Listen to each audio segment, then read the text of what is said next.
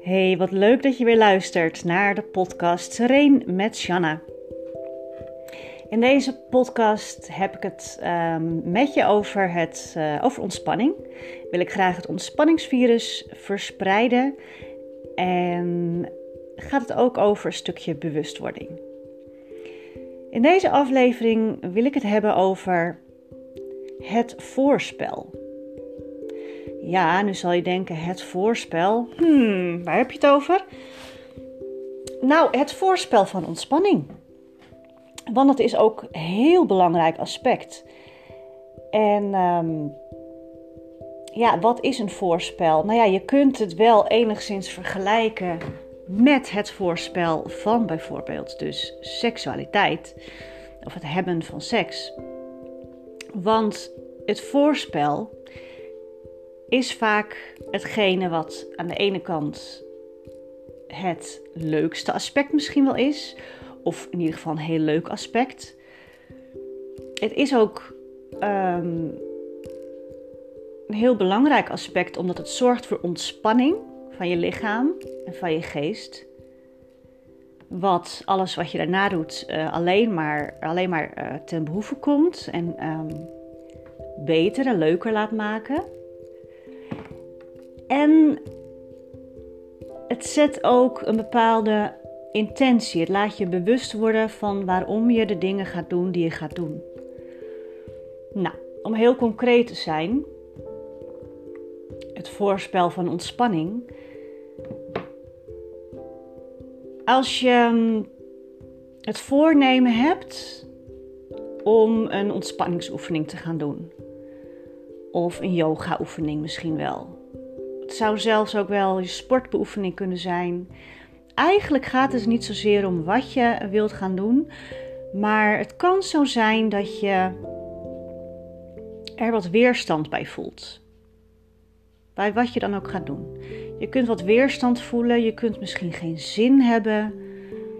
En als je jezelf gunt om te genieten van het voorspel, dan wordt het al veel gemakkelijker om er zin in te uh, hebben. Je zult er meer zin in krijgen, je zult het gemakkelijker doen. Dus allerlei voordelen. Dan wil ik het nu eventjes uh, met je hebben over ja, hoe kun je dat dan vormgeven. Nou, het is altijd belangrijk om je eerst bewust te zijn van waarom wil ik dit doen? Waarom is het ook alweer voor mij zo belangrijk? En het kan ook heel simpel zijn dat je je ook herinnert dat als het gaat om ontspanning, dat je het recht hebt om te ontspannen. En dat ontspannen net zo belangrijk is als je inspannen. En als je verantwoordelijkheid nemen voor je medemens. Dus je realiseert je dat je het recht hebt op ontspanning. Je zou het dus ook nog op een ander gebied kunnen vertalen als ik heb het recht om een gezond en fit lijf te hebben. Als je bijvoorbeeld wilt gaan sporten. Maar in geval van ontspanningsoefeningen doen kun je je bedenken dat je het recht hebt op je ontspanning. En je kunt als voorspel um, je omgeving wat aanpassen, maar ook je innerlijke omgeving. Nou, als je het over je uiterlijke omgeving hebt, kun je bijvoorbeeld uh, wat de spullen klaarleggen die je nodig hebt. Dus je zorgt dat je, uh, je een mat of een yogamat of een tapijt klaar hebt liggen waar je op kunt gaan liggen. Misschien vind je het fijn om een kaarsje aan te steken of om de lichten wat te dimmen of om een geurtje te branden of om um, een lekker warm dekentje erbij te, te leggen. Nou, door dit te doen, dat kan de dag van tevoren, maar dat kan ook nog uh, een minuut van tevoren. Door dat te doen, kom je al meer in de sfeer, kom je al meer in de stemming. En dat is heel erg belangrijk, zoals ik al zei, omdat je dan meer zin krijgt en de kans ook groter is dat je het ook daadwerkelijk gaat doen en dat je er meer van gaat genieten. Nou, wat kan helpen is om vervolgens lekker even te gaan zitten of te gaan liggen. Je houdt je armen en uh, je handen gewoon ontspannen naast je. Je sluit even je ogen. Je schakelt als het ware je zintuigen even uit. Je oren, je ogen. En je keert naar binnen daardoor. En dan voel je dat je er bent. Dat je een lichaam hebt. Dat je leeft. Dat je ademt. En ook belangrijk is om hier even de tijd voor te nemen.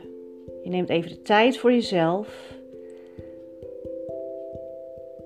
En je kunt je ook bedenken dat je de oefeningen of oefening net zo lang en net zo vaak kunt doen als jij wilt. Het is heel belangrijk om je te beseffen dat niets moet, niets hoeft, je hoeft niets te presteren. Jij bepaalt hoe en wat. Jij bepaalt in feite zelfs of je het doet. Maar als je besluit het te doen, kan zo'n voorspel heel erg hulpvol zijn. Maar hoe je daarna de oefening doet, dat kun je zelf helemaal bepalen, hoe lang en hoe vaak. Je hoeft zelfs ook niet in een bepaalde houding te, te gaan liggen. Um, er worden natuurlijk altijd wel wat, wat instructies gegeven, ook over de houding. Maar het belangrijkste is dat je, dat je het op jouw manier doet.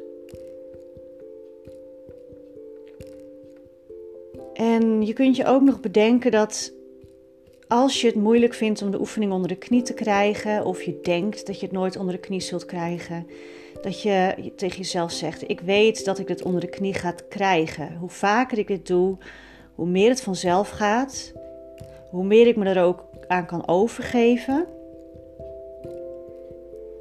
En hoe minder moeite of energie het me ook gaat kosten.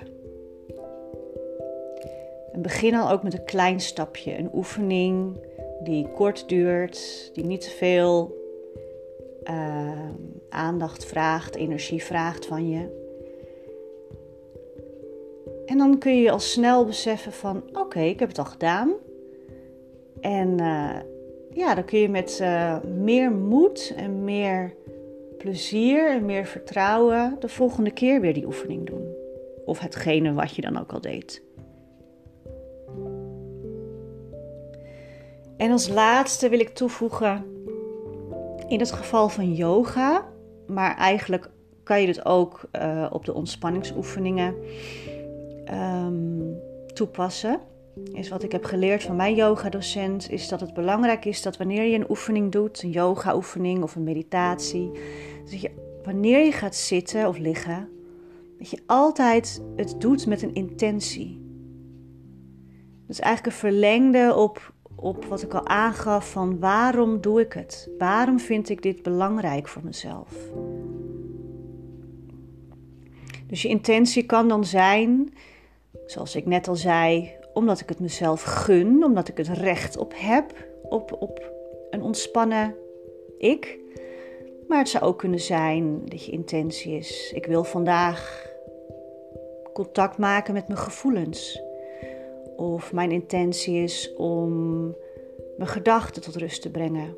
Mijn intentie is om mijn woede die ik vandaag voel tot rust te brengen. Of mijn intentie is om mezelf beter te leren kennen. Dat zou, zou allerlei intenties kunnen zijn. Maar belangrijk is dus dat zodra je begint, dat is dus een onderdeel van het voorspel om te bedenken: waarom wil ik dit? Wat is mijn intentie? Nou, en dat kun je natuurlijk bij elke activiteit toepassen. Als je dan ook weer hebt over het voorspel van seks bijvoorbeeld, zou je dat ook heel goed kunnen doen. Dat je je even bewust wordt van: oké, waarom doe ik dit? Wil ik dit echt? Um, Waarom is het voor mij belangrijk? Voelt het goed? Heb ik nog weerstand? Hoe kan ik die weerstand wegnemen? Etcetera. Dus voorspel van ontspanning, voorspel van wat dan ook is super belangrijk. En om nog één keer samenvatting te geven, het is belangrijk omdat je daardoor meer zin krijgt. De kans groter is dat je het ook daadwerkelijk gaat doen. En dat je er meer plezier in krijgt in de activiteit zelf. En het belangrijkste eigenlijk is dat je daardoor weer even aan wordt herinnerd dat je dit doet omdat jij het waard bent. Omdat je er recht op hebt.